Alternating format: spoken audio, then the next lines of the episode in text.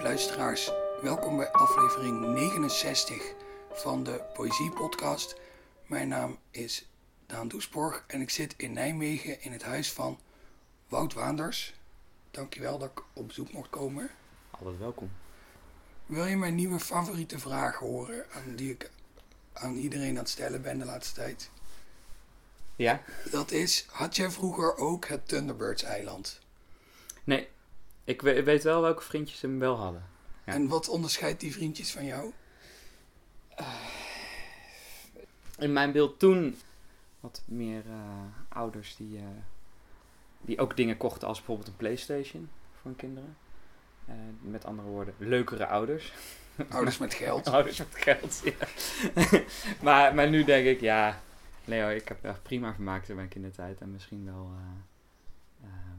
met dingen die... ik- mijn, mijn moeder is het, eh, het huis aan het opruimen. Dus ik, heb nu heel veel kinderspullen die ik terugkrijg. En allemaal mapjes met magazines die ik maakte. En eh, met kinderen uit de buurt. En ik, oh ja, dat is wel heel leuk om te hebben. En als ik nou een Thunderbirds eiland weer terugvond, denk ik, ja, dat is ook wel grappig.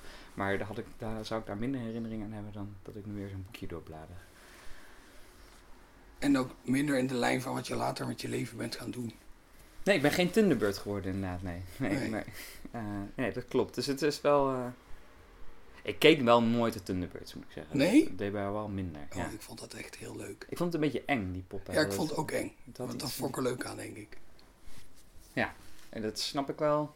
Eh, ja, ik, ik vond veel dingen echt te eng. Dus Ja. daar kon ik dan toch niet aan overgeven. Nou goed, maar dit is niet de Thunderbirds podcast en ook niet een van die podcasts van Gijs Groenteman waarin gewoon eindeloos gehoord wordt. Dus laten we het snel over poëzie gaan hebben. Een van die 18 podcasts. Ja, ja. Ik heb een keer een quizvraag gemaakt eh, over hoeveel podcasts heeft Gijs Groenteman. Was een benaderingsvraag. Ehm, maar eh, En hoeveel is het? Weet je weet ik niet meer. Geen idee. Maar wel dubbele cijfers, denk ik. Fantastisch. Die man zit gewoon alleen maar podcasts te maken. de hele dag. Er zit natuurlijk ook goudgeld in. Maar eh, Zeker. Je wordt er heel rijk van. ja, Eh, jij hebt een gedicht meegebracht van, of meegebracht, al jouw gedichten zijn hier. Zowel die van jezelf als die van anderen. Maar eh, jij hebt een gedicht uitgekozen. Van wie eigenlijk? Oh ja, ik moet gelijk zeggen wie het is, of eerst al mijn twijfels die ik dan had. Oh, dat kan ook. Eh, want we, we hebben dit, eh, mag ik dat zeggen, heel kort geleden afgesproken. Ja, dat klopt. Dus dan ben je gelijk zo. Nou, ehm, Ja, ik heb jou gewoon aan je haren in het diepe gegooid. ja, precies. Even kijken. De bundel die ik wilde pakken ligt hier ook niet. Oh, Eh, nee, ik, ik heb drie. Twee, nou, er zijn een paar bundels ehm, die ik, waarvan ik dan gelijk denk: oh, daar wil ik iets uit doen. Maar dat zijn wel Engelstalige bundels. En die heeft twee grote nadelen. Dat mijn Engels is heel slecht.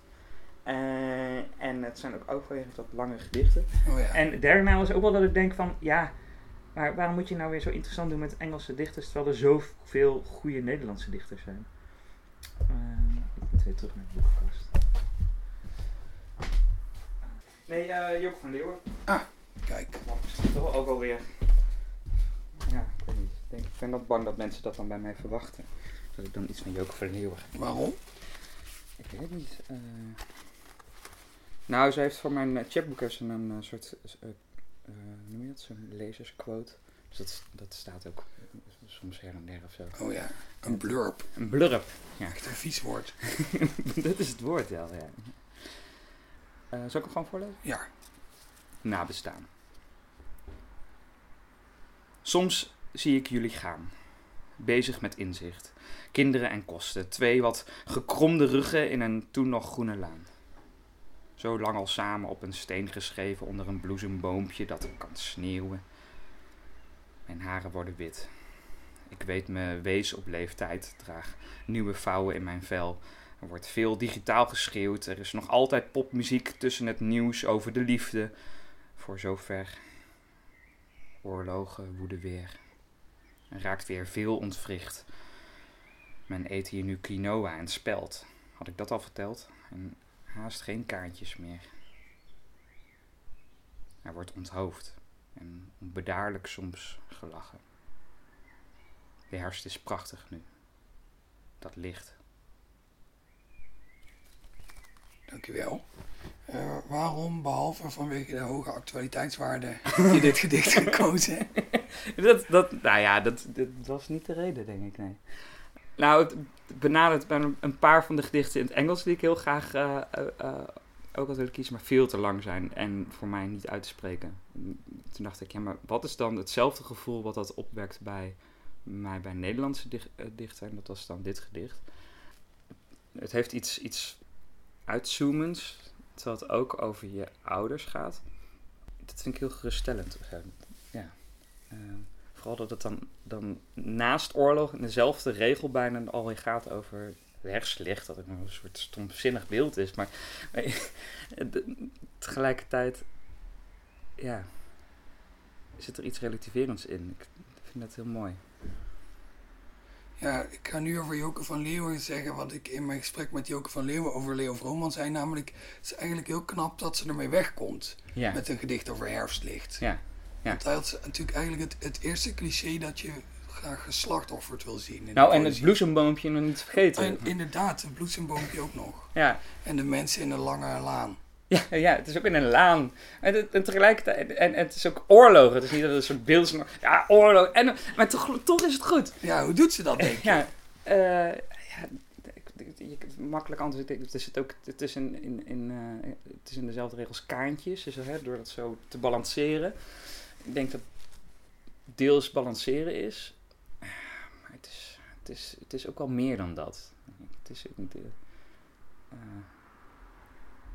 ja, deel, deels is dat natuurlijk sowieso al echt een, groot behoefte om clichés in je gedicht te kunnen verwerken zonder dat mensen het opvalt dat het nog clichés zijn.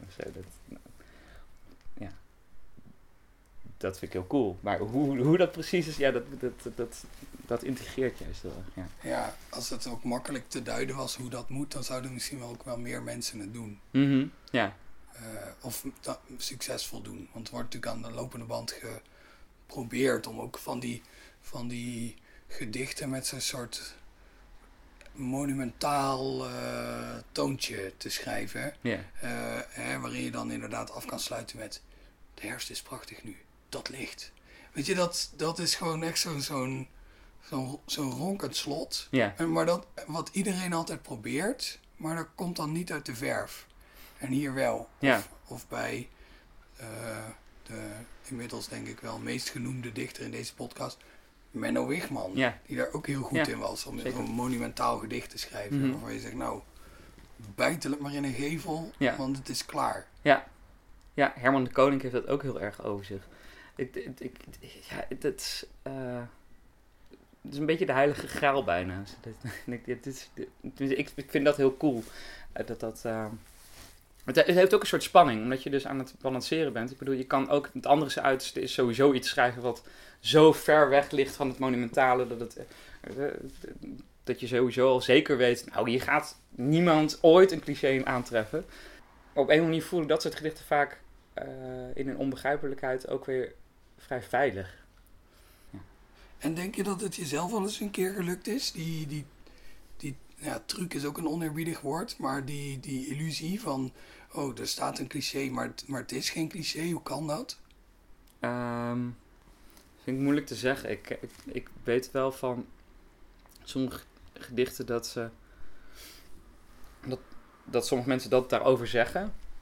Maar dat zijn ook altijd wel gedichten waarbij mensen daar dan. andere mensen daar wel weer over vallen. Dus dat kan dat ook nooit helemaal voor iedereen doen. Ja, het hangt misschien natuurlijk ook wel af van de, van de toehoorder. Ja, zeker. En de toelezer. Ja, en dan, vooral de toehoorder. Ja. Ik denk ook bij mijn, met mijn, eh, het gedicht Rabarberlimonade, dat heb ik gedaan op Nacht van de Poëzie. En eh, ja, dat is misschien ook niet het publiek ervoor, maar er waren echt mensen boos dat ik dat gedicht had gedaan. Om die reden, dat het zo te dicht in een cliché zat. oh ja. Om daar dan nou weer boos over te worden, vind ik ook wel weer zo. eh. Ja, ja, het- het- Maar ja, misschien is dat bij Joke van Leeuwen ook wel. Dat, eh, zeker. Ik heb ook wel eens gehoord van iemand die helemaal niet te spreken was over dat interview wat ik met Joke van Leeuwen deed, omdat ik haar veel te weinig tegensprak. Maar ja, je gaat ook niet Joke van Leeuwen tegenspreken. Ja, als ze baarlijke nonsens uitkraamt. Maar ja.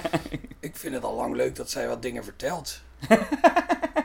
nou ja, goed, ik ben een heel groot fan van Joke van Leeuwen, maar ik weet wel inderdaad dat dat niet voor iedereen... eh, eh, hetzelfde geldt voor eh, eh, Herman de Koning, denk ik dat ook wel... Ja, die heeft wel wat minder tegenstanders, denk ik. Maar ze zullen er vast ook zijn. Ehm en Cees Bunning ook. Ehm, Überhaupt wel light first, denk ik. Niet dat, niet dat eh, Budding en, eh en eh, Joke van Leeuwen, dat die per se in die hoge hoed wil gooien. Maar dat is ook zo'n genre waarvan je... Of je vindt dat, of je vindt dat heel interessant, of je vindt het niet medalletjes. En dat is het gekke van heel veel van dat soort dichters. Is er ook heel veel een niemandalletje.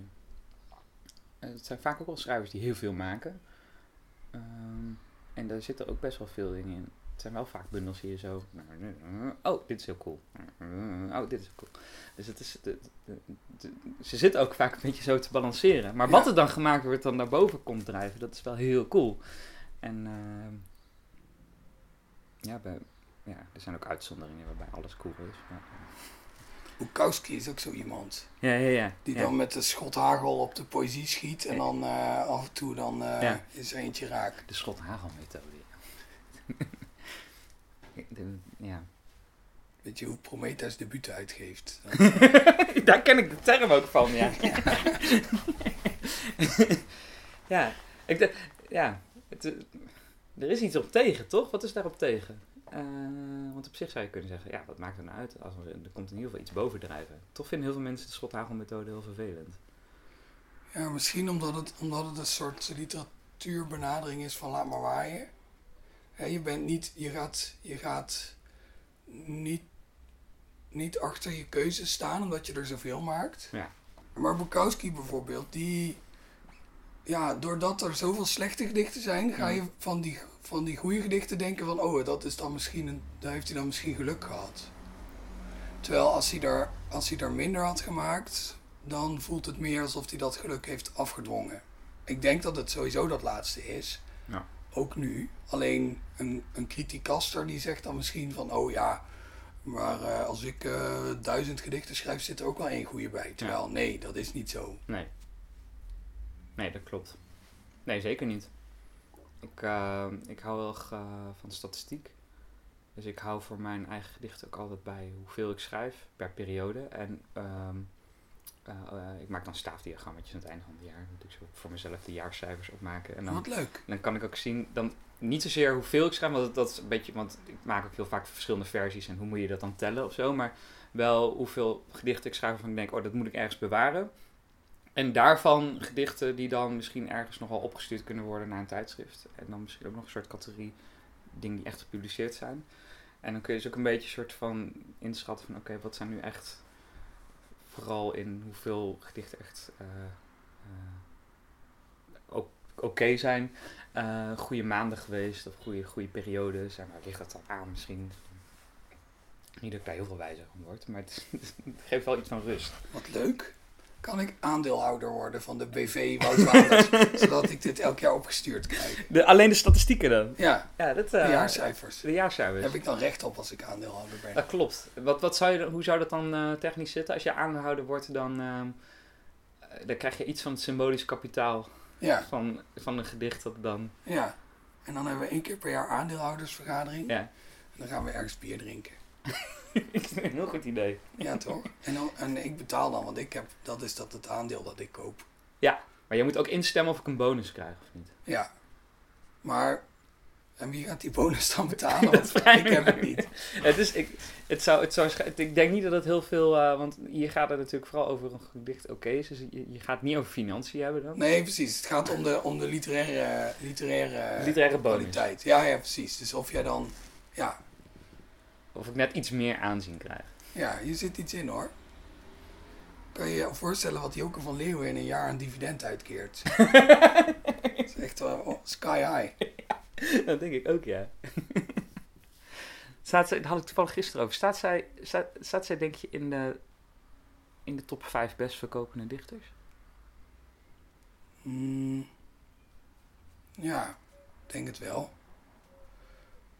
Ja, denk dat van Leeuwen... wel Levende in- dan? Ja, ja, ja, denk het wel.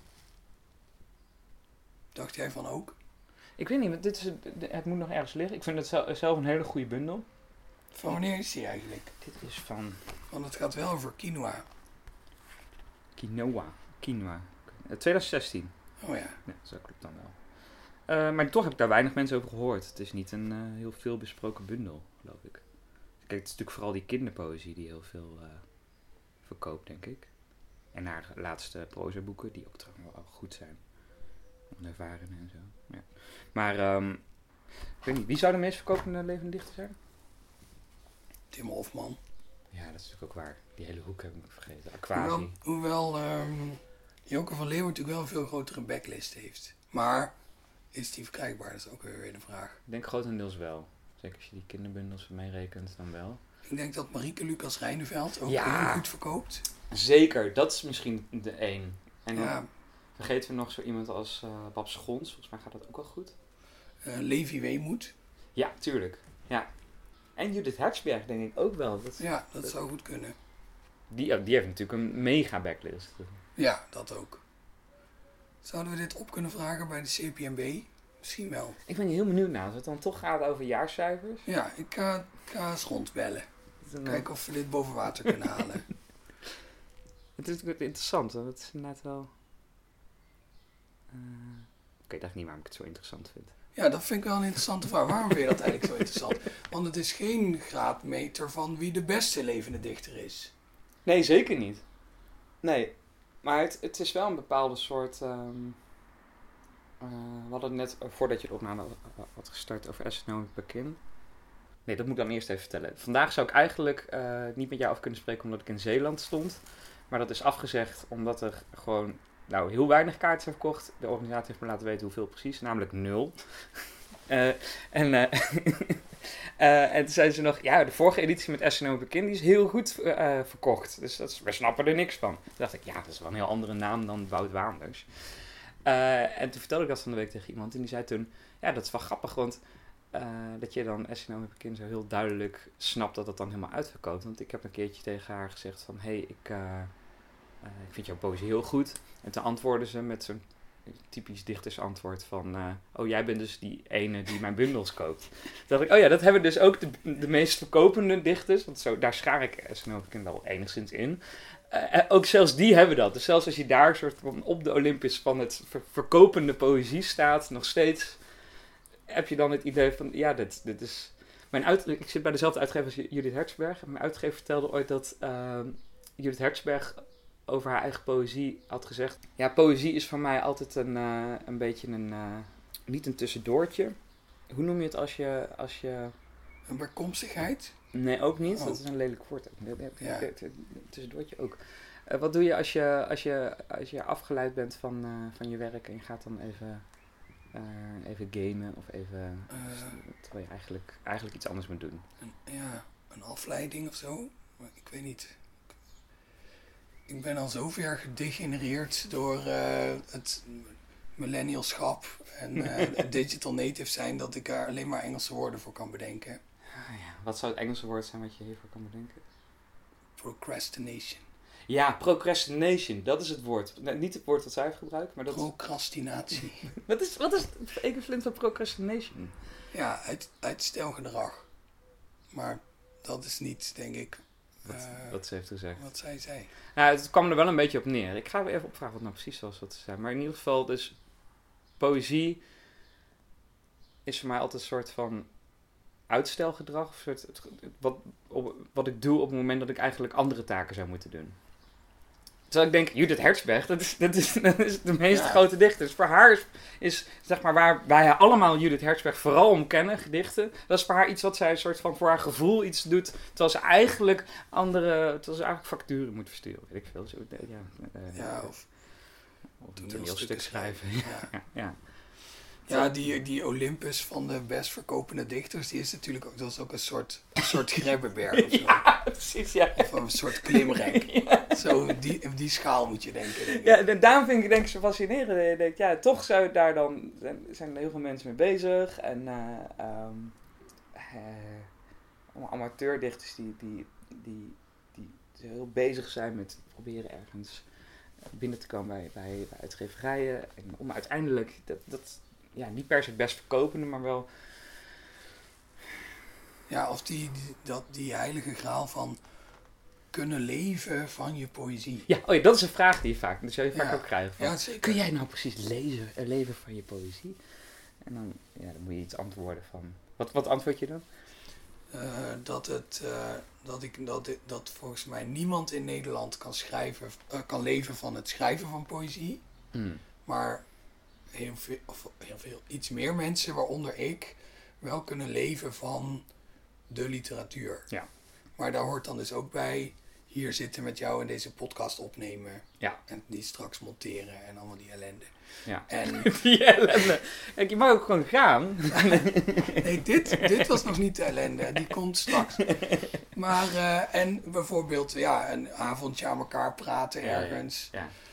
Eh, of, of inderdaad niet ergens op gaan treden omdat er te weinig kaarten verkocht zijn. Ja. Eh, wat ik trouwens op dit moment ook aan het doen ben. Dus Ja. we zitten wel echt, eh, het is wel echt hoogconjunctuur voor eh De enige reden waarbij je zit is... Waanders dat- en Doesborg. Ja, precies, ja. Echt, ja, ik denk dat dat alweer aantrekt. Ik heb dit nog nooit meegemaakt, dat, dat, dat er zoveel literaire avonden en dingen wegvielen omdat er gewoon te weinig kaarten zijn verkocht. Dat kan ik me niet zoveel herinneren. Nee, niet op deze schaal inderdaad.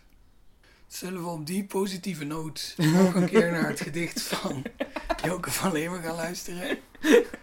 Want we kunnen nog wel gaan hebben over waarom en zo, maar dat is gewoon mensen hebben te druk, want er mocht heel lang niks en nu weer wel. Klaar. Ja.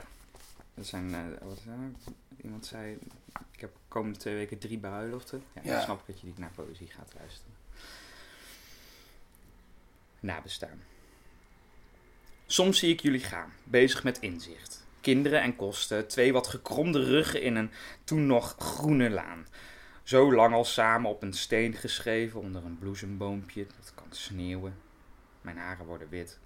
Ik weet mijn wees op leeftijd, draag nieuwe vouwen in mijn vel. Er wordt veel digitaal geschreeuwd. Er is nog altijd popmuziek tussen het nieuws over de liefde voor zo ver. Oorlogen woeden weer, er raakt weer veel ontwricht. Men eet hier nu quinoa en spelt. Had ik dat al verteld en haast geen kaantjes meer. Er wordt onthoofd en onbedaarlijk soms gelachen. De herfst is prachtig nu. Dat licht. Dankjewel. De grap is natuurlijk ook wel dat op die bruiloften waar mensen dan nu wel heen zijn, dat daar dan weer door een, door een net niet jankende vader van de bruid weer poëzie van die best verkopende dichters wordt voorgelezen. Dat is waar, ja. Is dat Kila van der Star die had onderzocht dat, dat, eh, dat poëzie helemaal niet zo weinig eh, wordt ge- gelezen als we denken, maar dat het vooral heel erg veel begrafenissen en bruiloften Ja, dat wordt gedeeld. Ja, dat is ook wel zo. het is allemaal ook poëzie. Ehm, je hebt ook een gedicht van jezelf uitgekozen. Of dat ga je nu doen? Dat ga ik nu doen. Ja, dat weet ik wel, maar ik. Je pakt nu uit de kast de huidige zeg maar, titelhouder C. Bunningprijs voor het beste debuut. En dan tegen de tijd dat de lieve mensen dit luisteren is dat ook nog zo, maar dan over een maand niet meer. Dan wordt de nieuwe uitgereikt. Ik ben er ook bij, geloof ik, met, de met de boyband. Nog voor de optreden. Oh ja, dat klopt, na afloop van de uitreiking Ja, toch? ja. Of ja, eh, als, als, als apotheose van de uitreiking. Nee, dat is natuurlijk de uitreiking, laten we wel wezen. Zit jij in de jury? of? ja, ik zit in de jury inderdaad. Ah, oh ja. Dus ik weet lekker al wie jou opvolgt als winnaar van de C. Budding. Maar dat kun je niet... Nee, want dit wordt voor de... Ja, nee, ik mag dat Ik inderdaad. mag het ook niet zeggen aan mij. Terwijl we dit nu opnemen niet zeggen. En te- als we dit uitzenden mag ik het ook nog steeds niet zeggen. Nee, oké, helder. Maar in de volgende aflevering van de Poëzie Podcast, dan mag ik het wel zeggen. Maar ook niet als ik hem opneem, maar wel als hij uitgezonden wordt. Helder. Ja, helder en niet interessant. Ik ben wel heel benieuwd, maar je zegt gewoon niks. Dus dat, Nee. hebben we niet veel aan. Ik ben gewoon heel integer. Ja, dat, dat, dat, dat leren we hieruit. En saai. Ik ben, ondertussen niet eh, kunnen kiezen. Ik, ehm, het regent. Ik doe eh Sascha naar het vliegveld brengen. We hebben Sascha naar het vliegveld gebracht. Afgelopen dinsdag. Met een knisperende zon op onze achteruit en een radioliedje van R.E.M. op de bijrijdersstoel. Sascha zat met haar koffer op haar schoot naar buiten te kijken. Ik heb haar niet meer om dat boek gevraagd. Sommigen vinden het zeer terecht dat ze weg is straks. Anderen hebben er andere meningen over. Onze oom Thomas had daarboven de regen bevroren. We waren halverwege toen de hagelstenen op de voorruit vielen.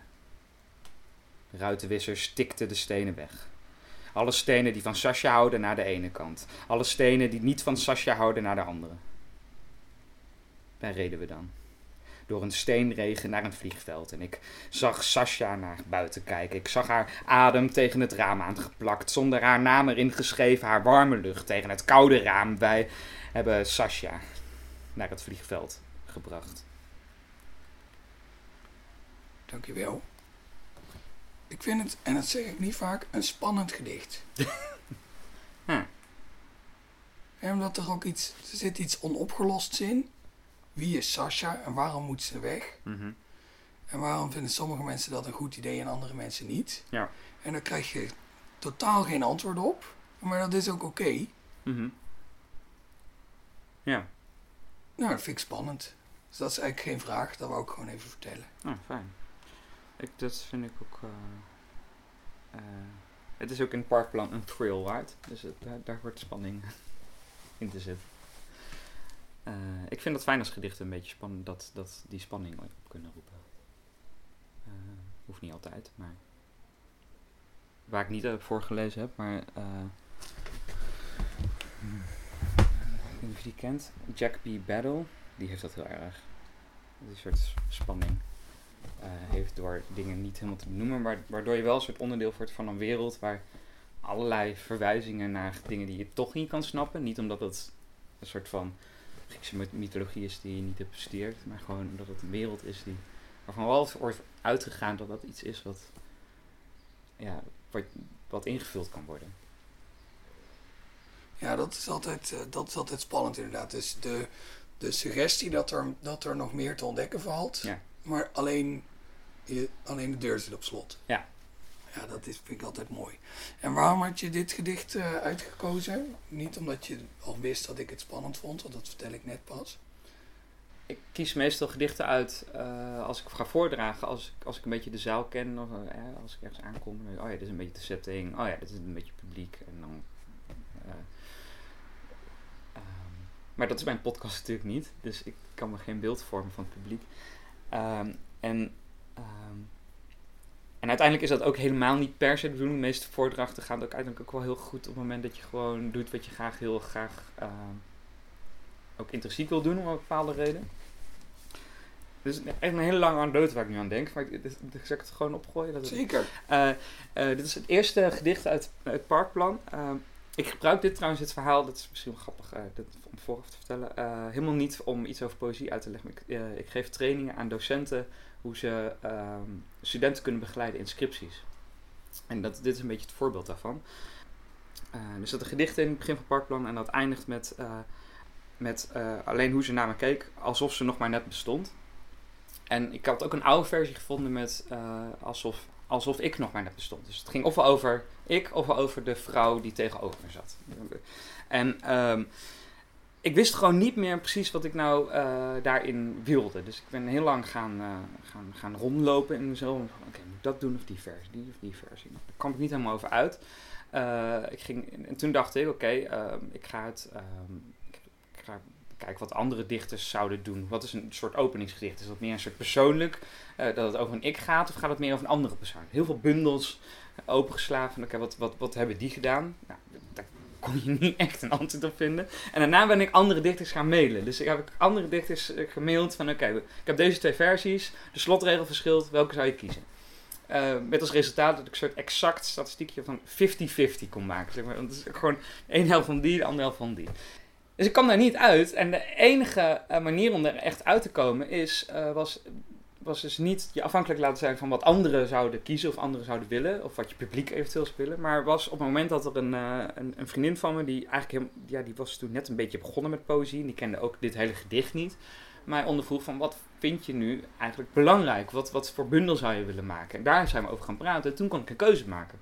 Met andere woorden, het zijn heel afhankelijk van uh, nadenken van, van oké, wat wil een publiek per se hebben? Of uh, in het geval van scripties zijn heel veel studenten die zeggen, oh ik weet niet wat een scriptie, uh, dan gaan op scribbig.nl kijken van wat is een normale volgorde van verschillende alinea's in een inleiding of zo, zoiets. En er komen nooit mooie inleidingen uit, want het is zich helemaal aan een soort van, van opzetje gaan conformeren. Er komen pas mooie inleidingen uit als je ook weet van oké, wat doet deze inleiding en waarom wil ik hier graag een onderzoek naar doen. Um, en dan komt er een, mooi verhaal uit. Maar dat, dat ontstaat pas op het moment dat iemand, iemand anders ondervraagt wat wil je nu eigenlijk. Dat gesprek is heel belangrijk. En niet het gesprek van, ehm, ja, het feedbackgesprek van, nou ik zou altijd dit doen. Of uh, ja, wat ik altijd wel doe is, uh, daar raak je alleen maar heel erg verwacht van. En dat is met poëzie nog veel meer aan de hand. Dat ik denk, jij vraagt wat voor gedicht ik ga doen. En er komen een soort van duizend stemmetjes van mensen die zeggen van, oh ja, doe iets uit Parkplan. We hebben het net over Parkplan gehad. Nou, en binnen Parkplan zijn er dan, bij elk gedicht zijn er wel een paar stemmetjes zeggen van, oh ja, dit vind ik echt een tof gedicht. Terwijl andere mensen zeggen, ja, nee dit vind ik een heel stom gedicht. Uh, en, en denk oké, okay, welke stemmetjes moet ik nu volgen? Ja, ja dit heb ik toen een keer een bunde voordragen. Toen lachten de mensen niet waar ik dacht dat ze dat zouden doen. ja, precies. Ja, ja, ja, ja. Terwijl uh, dit gedicht, ja, dat vind ik zelf eigenlijk niet zo'n heel goed gedicht. Maar er was toch iemand die zei van, nou, dat is echt het beste gedicht in Parkplan. Dat vind ik echt zo goed. Uh, ja, misschien moet ik dat maar een keer gaan doen. En weet je, al dat soort, dat, dat soort, dat soort stemmetjes of ervaringen, of, ja, dat, die, die komen dan opeens allemaal naar de oppervlakte. Terwijl die, die gaan pas weg op het moment dat iemand vraagt, van, wat vind je belangrijk? Of waar heb je zin in? Of, ja. Dat kun je jezelf ook wel bevragen. Maar het is makkelijk als iemand anders dat doet. Ja. Ik vind het wel heel leuk dat je van die methodische benaderingen en, en van, van die, van die data-driven uh, uh, solutions aan het zoeken bent. Ja. Yeah. Over zoiets grilligs en, en niet telbaars als poëzie.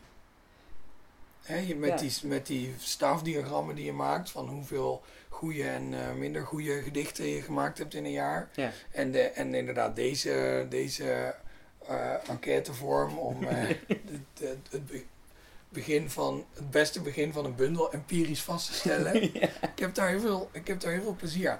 En eigenlijk Parkplan, want dat hebben we helemaal nog niet verteld, is natuurlijk ook in feite opgebouwd als de plattegrond van een pretpark. Mm -hmm. Uh, wat ook weer een hele methodische benadering van een bundel is. Hoewel je natuurlijk ook wel, ja, het is niet uh, heel droogjes de plattegrond van een, van een pretpark. Dus, dus dat idee, daar, bedoel, daar ben je natuurlijk ook wel weer speels en niet, niet rigide mee. Maar die, ja, ik hou ook niet van podcasts die hun gasten proberen te psychologiseren. Maar ik zie wel een patroon van dataordening. Ja, Waar ik zelf ook heel gevoelig voor ben. Oh ja? Doe je, doe, doe je zoiets zelf? Merk je dat? Nee, maar ik hou wel van mooi gevisualiseerde data. Ja, ik ook. Ik ben, ik ben, heb heel veel een idee voor, maar dat krijg ik niet helemaal van de grond. Ik denk ook dat het nooit gaat lukken, maar een bundel waarbij ook de achtergronddata weer wordt gegeven. Van wanneer wordt het, is het geschreven, wat voor soort, hoeveel versies zijn er. Er zijn heel veel dingen die je wel echt in data kan, kan, uh, kan zetten. En, Fact sheet bij elk gedicht. Ja, precies. Ik, ik, ik, ik, heb ook een jongen leren kennen in Berlijn die echt onderzoek doet naar een soort data in, po in poëzie. Die, uh, maar dat gaat dan echt over, oké, tellen hoeveel soorten woorden. heeft hij allerlei woorden en dan heeft hij dan gecategoriseerd naar meer emotionerende woorden. Meer, en dan gaat hij dat dan tellen bij heel verschillende dichters, wat voor soort dichter je dan bent. En dan krijg je een van statistieken van hoeveel soorten woorden je ergens van gebruikt. Uh, maar ook wat voor publiek, wat voor soort woorden eigenlijk aan behoefte aan heeft. Nou, het, is het, is, het, is, ook ridicuul. Je werkt ook, dit kan nooit helemaal. Net zoals dat ik een statistiekje maak van de dichters en dan welke versie ze, ze kiezen. Maar ik vind, vind, het wel interessant dat er een soort van. van ja, dat, er is wel altijd een soort drive naar.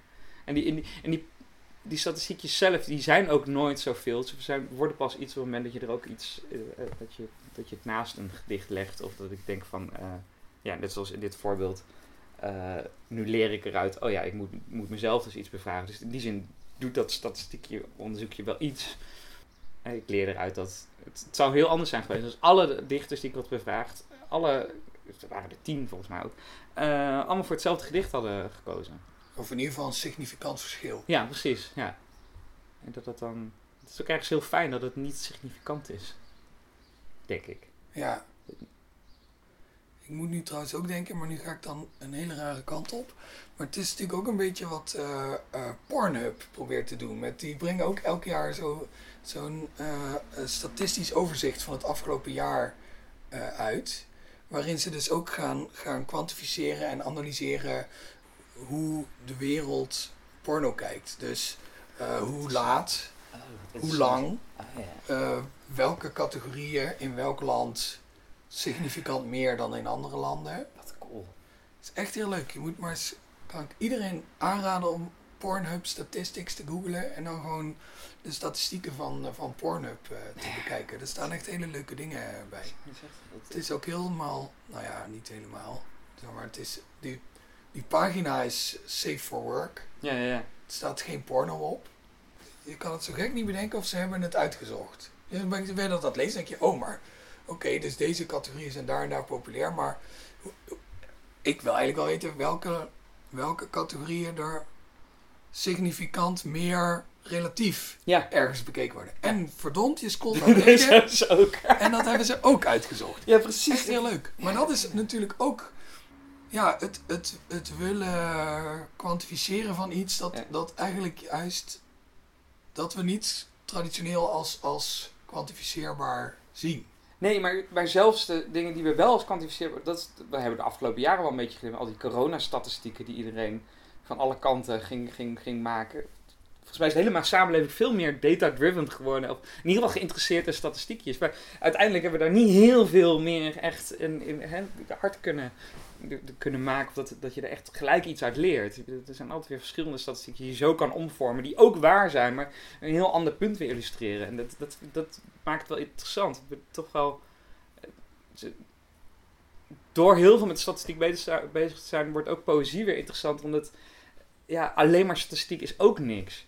Maar het, het, eh, ja, met statistiek bezig zijn zegt denk ik ook wel iets over gewoon de, de, ja, graag ordening willen krijgen. En eh, ook ordening om eigen werk. En ik denk ook wel dat er ergens wel iets, iets uit te leren is. Als ik kijk naar mijn eigen statistiek, denk ik wel dat, ehm, dat ik meer schrijf. En denk ook wel iets dat, dat meer aardig gedicht schrijf als ik terugkom van een lange reis. En na een break-up of zo, zoiets. Dat is wel een beetje standaard. Dus dan weet je dat je elk jaar een paar reizen moet maken en een paar relaties op de klippen moet laten lopen Ja. voor een goede Maar ligt, dus weet ik niet of het dan echt aan een break-up ligt of gewoon het feit dat je dan meer tijd over hebt. Ja, dat zou ook nog kunnen. Kijk, dat is dan ook weer het probleem. Hè? Dat je, Daarom. de- eh, je kan wel de data hebben, Ja. maar het interpreteren daarvan is weer een al heel andere Ja, precies. Ja. can of worms. Ja. En het zou natuurlijk ook mooi zijn als je dan, ik denk dan weer even aan wat je zei over een bundel maken waar je dan vervolgens ook allemaal data bij geeft. Als je dan vervolgens met die data weer poëzie over die data gaat maken. ja. ja, dat is, dat is wel cool. Of wordt het nu alleen, alleen nog maar leuk voor jou en mij? Dat zou ook Ik ben, daar ben ik heel bang voor als het een, het is, wordt echt een, een dichtersbundel. Op het moment dat Ja. je het heel erg gaat maken. Ja, dit- wie vindt dat verder interessant? Ja. Het zou, het, wat wel een fijne schrijftechniek is, is eh, eh, als ik echt eh, een lange tijd heel ontevreden ben over alle gedichten die ik heb gemaakt. eh, dan door zo'n machientje te gooien die dan woorden telt.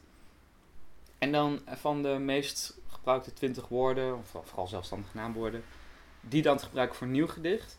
Weet je, alleen die, die woorden moeten een beetje de kernwoorden zijn. Dus dat- ja, het is gewoon maar een soort schrijfoefening. Maar daardoor voel ik me vaak wel iets beter over mezelf, omdat ik dan van heel veel prutgedichten wel weer iets kan maken. Vaak wordt er iets, altijd iets beters dan de 20 gedichten die ik daarvoor heb geschreven. Oh ja, je, je, je recycelt het eh, Ja, precies. eigenlijk. En, maar dat is... ehm, doe me ook wel denken aan die oefening van als je dan al weet dat je over een bepaald onderwerp een gedicht gaat schrijven, dat je dan de eerste tien woorden opschrijft die bij je opkomen en die mag je dan niet gebruiken. Oh ja, dus is die van Ellen Dekwits? Ja, volgens mij wel. Dat is best wel een goede oefening. Dat is echt ja. een goede oefening. Ik denk wel dat statistiek ergens eh, behulpzaam kan zijn voor het schrijven. Ja. En in hoeverre is Parkplan het product van statistiek? Nou, ik schrijf heel veel, dus ik moet heel veel teruglezen. En om eh, goed te kunnen teruglezen moet ik wel een soort schema's maken van wat heb ik wanneer geschreven en wat is dan, welke versies zijn er dan. En dus in die zin is het een product van statistiek, omdat ik heel veel lijstjes maak met dit zijn mogelijke gedichten. En dan in dit geval ook nog gedichten die eventueel een, een attractie zouden kunnen worden. Ehm, Dus in die zin is dat wel eh, een product van in ieder geval analyses. Mm, Ja, maar ik bedoel, want je zegt het nu alsof dat de meest voor de hand liggende manier is om poëzie te schrijven. Maar dat is, ik bedoel, de meeste mensen doen dit niet, denk ik. nee? Nee, die zijn gewoon in complete verwarring shit aan het proberen. En ik En- ben het er, ik bedoel, het klinkt heel aannemelijk, hè? Ik denk nu ook, oh ja, zo moet ik het ook aan gaan pakken. Maar dit is, dit is niet gewoon usance, poëziebreed. Dat wil ik gewoon even zeggen. Ik ook. ik denk ben misschien ook iets te corporate voor de, voor de poëzie. Ik denk dat jij precies corporate genoeg bent. Ik, ja, ik besef ook wel dat het een andere, andere methode is. En ik weet ook wel dat het niet... Het is niet zaligmakend of zo, dat, dat, dat voor mij. Het is, het is ook... Ik ben niet zo super gestructureerd. Het is ook een manier om dan toch... Ja, wij maken... Als dichters maak je gewoon heel veel verschillend werk. Het is ook niet... Als je een verhaal bezig bent, dan kun je nog, ben je nog bezig met samenhang de hele tijd. En dan ben je met post-its en dan toch weer daarheen. En dan zo. Constant bezig met dat ene ding waar gedichten zijn. Nou ja, je weet soms helemaal niet meer wat je, wat je gisteren hebt geschreven. En, en, en dat dan... Laat staan drie jaar geleden. Exact. En er zitten soms toch best wel dingen tussen. Als je dat dan toch weer terugvindt van... Hé, wat stom dat ik dat dan helemaal nooit meer heb teruggelezen. Ja, Eh, eh, dus, dus er is wel waarde in dat alles in goede laadjes zetten en goed bewaren. En die, die waarde zit, dat, die zit er ook wel in. Ook, ook om te zien dat er ook dat, dat je in periodes heel veel shit hebt geschreven of zo. Ook dat is soms waarde. Maar ik, eh, ja ik Ja. vind ook wel eens een gedicht. Dan ben ik gewoon ergens op mijn computer of in mijn huis. En dan denk ik ineens, verdomd, dit heb ik ook nog een keer gemaakt. heb je wel eens een gedicht gevonden waar je echt gelooft, dit heb ik niet geschreven? Nee, Dat je het gewoon echt niet meer weet? nee, ik heb wel... Ik had een interview geschreven met mezelf. Eh, en, en ik dacht, en van een aantal vragen wist ik het ook echt zeker, dat ik ook de vragen van de, de interviewster, die dus wel echt bestond, maar dan had ik gezegd van ik wil, ik schrijf dat interview wel. Het was ook niet echt een interview met mezelf, maar met een soort, met een soort eh, literair alter ego. En, maar toen waren er van sommige vragen twijfelde ik of, of ik die nou wel of niet zelf geschreven had. Dat is goed. Maar over het algemeen eh, pik ik het er wel uit. Want ik heb ook wel een tijd lang in een studentenblad een, een, een brievenrubriek gehad met Ja. iemand anders. En dan schreven we dus allebei de helft van de vragen. En dan gingen we van elkaars eh, vragen het, het antwoord schrijven. Ja. Want er stuurde natuurlijk nooit iemand iets in naar die rubriek, dus we moesten alles zelf doen. En daar, ik denk dat ik nu ook nog wel nog steeds, als ik zo'n nummer van het studentenblad opsta, zou zeggen van oké, die vragen zijn van mij en die antwoorden zijn van mij. Dan, ja, op de een of andere manier er zit dan toch iets, iets herkenbaars in. Net als dat je op een hele crash ook weet, oh dat is mijn kind. Ja, ja, ja. Eh, ja, dat kan me indenken. Ja. Terwijl ze allemaal even lelijk, maar die lelijke is voor mij. Ik heb Ja. helemaal geen kind, ik weet niks hierover. Ik- Nee, maar ik kan me wel echt goed indenken. Het, is, het, is ook, het heeft dus niet te maken met dit is mijn stijl, maar gewoon het feit dat dit, je weet, ergens zit er nog ergens in je achterhoofd dat je, dat je het hebt geschreven. Ja, of, of je herkent, je, je weet het niet meer, maar je herkent het. Ja, ik, ik heb toch laatst heb ik een, eh, dat was van een gecrashed USB-stickje of zo. En toen vond ik ergens anders op de computer in een verkeerd mapje, misschien ergens bij facturen of zo, vond ik nog een gedicht terug. Het is van mij, het is, ja, dus het stond in een documentje waar allemaal gedichten stonden waar ik me wel kon herinneren. Maar er zat één heel lang, ja, lang gedicht over doseren, schrijf ik nooit over. En ik heb nog steeds de indruk dat dat niet van mij is. Maar dat kan niet anders. Ik plaats nooit een gedicht van iemand anders in mijn eigen documenten. Maar, Nee, maar maar hier is software voor. wat? Om, Dan laat je dan 50 gedichten in waarvan je zeker weet dat ze van jou zijn. ja, En dan doe je dat ene gedicht. En dan gaat die software op basis van dus eh, functiewoorden, Ja. die soort... eh, ja, dat is wat die vriend in Berlijn doet inderdaad. Ja. Die gaat dat uitrekenen. Die kan dan met zoveel procent waarschijnlijkheid zeggen van dit is wel of niet een Wout Waanders. Dus dat zou je kunnen doen met die vriend in Berlijn. Interessant. Maar dat gaat toch nooit over... Dat gaat toch- Ik heb ooit met, eh, met eh, Dennis Gaans, omdat we allebei wel eens te horen krijgen van, oh, dat is echt typisch Dennis gedicht, dat is echt typisch een Wout-gedicht. Toen dachten we voor een optreden in, ga- geven we elkaar een gedicht wat we dan namens elkaar hebben geschreven. Zeg maar. Dus Dennis moest een gedicht schrijven wat ik heb geschreven, alsof ik Dennis was. En Dennis had een gedicht geschreven waarbij hij deed alsof hij mij was. En dat moest ik dan voorlezen. En Oh ja. we mochten het niet van tevoren lezen. Dus gesloten gaven we die gedichten. Dus dan gingen we dan in een set, met allemaal gedichten die wel van mij waren, ging ik dan een gedicht van Dennis voorlezen, wat dan, waarbij hij dan had gedaan alsof het een Woudstel was. In de hoop dat mensen daarna zouden zeggen, oh tof dat nieuwe gedicht, is echt weer een Woudgedicht. Terwijl het En? eigenlijk van Dennis was. Ehm, nou, de vriendin van Dennis zat in de zaal, dus die moest al keihard lachen omdat ze wel al die dingen... nee, het werkt niet. Het wordt een karikatuur. Dat wordt het. Oh ja. Ja, het is, de, het is, is niet helemaal gelukt, geloof ik. Aan beide kanten. Dat is dan weer jammer. Maar goed dat jullie het toch geprobeerd hebben. Zou je nu nog eh, het ontzettende woudgedicht Sascha naar het vliegveld brengen en nog een keer willen lezen? Sascha naar het vliegveld brengen. We hebben Sascha naar het vliegveld gebracht. Afgelopen dinsdag met een knisperende zon op onze achteruit en een radioliedje van R.E.M. op de bijrijdersstoel. Sascha zat met haar koffer op haar schoot naar buiten te kijken. Ik heb haar niet meer om dat boek gevraagd. Sommigen vinden het zeer terecht dat ze weg is straks, anderen hebben er andere meningen over. Onze oom Thomas had daarboven de regen bevroren. We waren halverwege toen de hagelstenen op de voorruit vielen. De ruitenwissers tikten de stenen weg. Alle stenen die van Sascha houden naar de ene kant. Alle stenen die niet van Sascha houden naar de andere. Daar reden we dan. Door een steenregen naar een vliegveld. En ik zag Sascha naar buiten kijken. Ik zag haar adem tegen het raam aangeplakt, zonder haar naam erin geschreven, haar warme lucht tegen het koude raam. Wij hebben Sascha naar het vliegveld gebracht.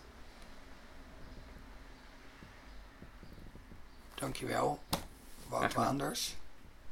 Dit was aflevering 69 van de Poëzie-podcast. Die wordt gemaakt door mij, Daan Doesborg, in samenwerking met de Stichting Literaire Activiteiten Amsterdam. Volgende maand is het Poetry International op 10, 11 en 12 juni in eh Lantaarnvenster in Rotterdam. Eh daar zijn eh, geloof ik nog volop kaarten voor, dus iedereen kan daarbij zijn. En bijvoorbeeld Wout in actie zien als onderdeel van de literaire boyband, waar we het eigenlijk helemaal niet over gehad hebben. Maar dat fietsen we dan wel in die volgende aflevering. en dan blijf je gewoon nog even bij ons. Oh, je bent er dan Ik natuurlijk. ben ook Ja. op Poetry International om de Steve Budding eh, prijs mede uit te, te reiken.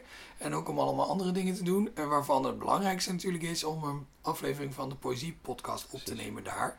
Dus eh, als je van poëziefestivals houdt, kom allemaal naar Poetry International.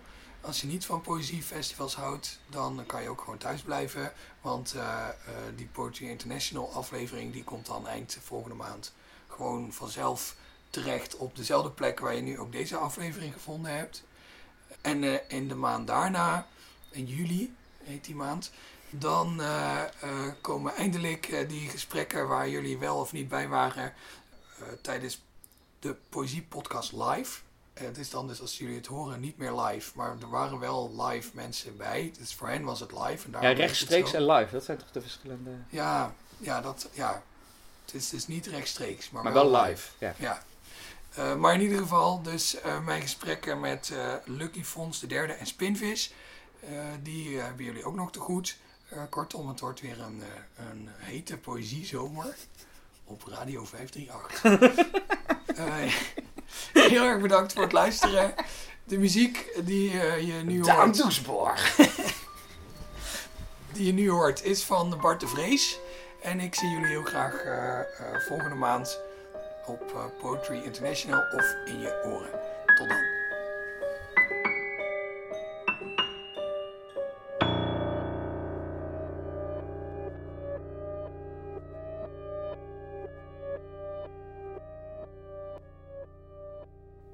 Je luisterde naar een aflevering van de Poëzie Podcast.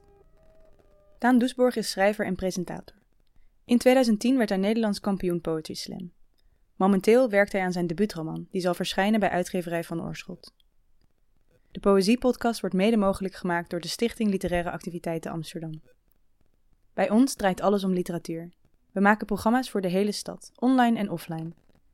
Al onze podcasts zijn ook te beluisteren via onze website www.sla.nl/slaakast.